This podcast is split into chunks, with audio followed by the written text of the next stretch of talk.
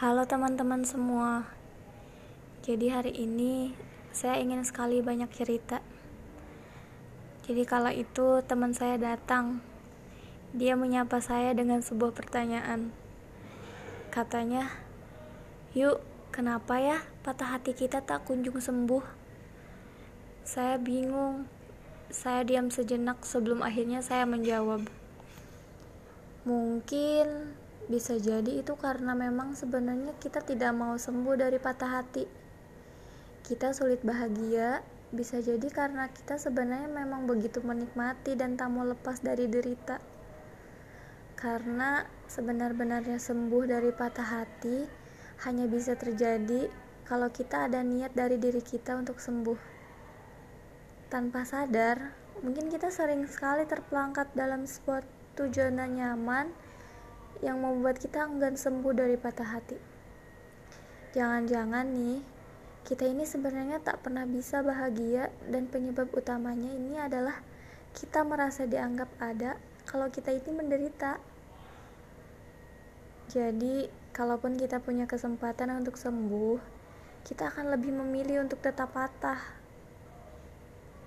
Begitu pula kalau tidak ada keributan, kita malah akan mencari-carinya karena dengan adanya keributan, barangkali kita merasa hidup ini lebih asyik untuk dimainkan.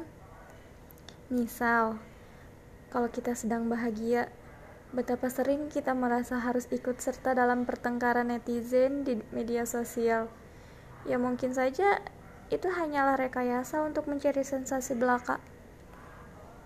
Kalau tidak ada permasalahan, kita malah akan merelakan diri larut dalam permasalahan hidup orang lain yang sebenarnya tak perlulah kita ikut campur tangan di dalamnya. Hmm, kadang kita perlu saling mengingatkan perihal bahwa zona nyaman di dalam hati yang patahlah yang bisa membuat kita malah enggan untuk sembuh dari patah hati.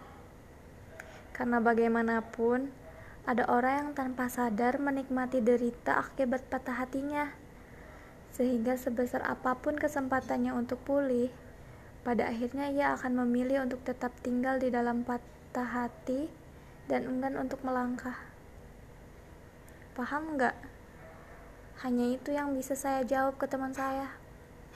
Walaupun sampai saat ini saya juga sedang berusaha. Iya, saya sedang berusaha untuk sembuh dari patah hati saya.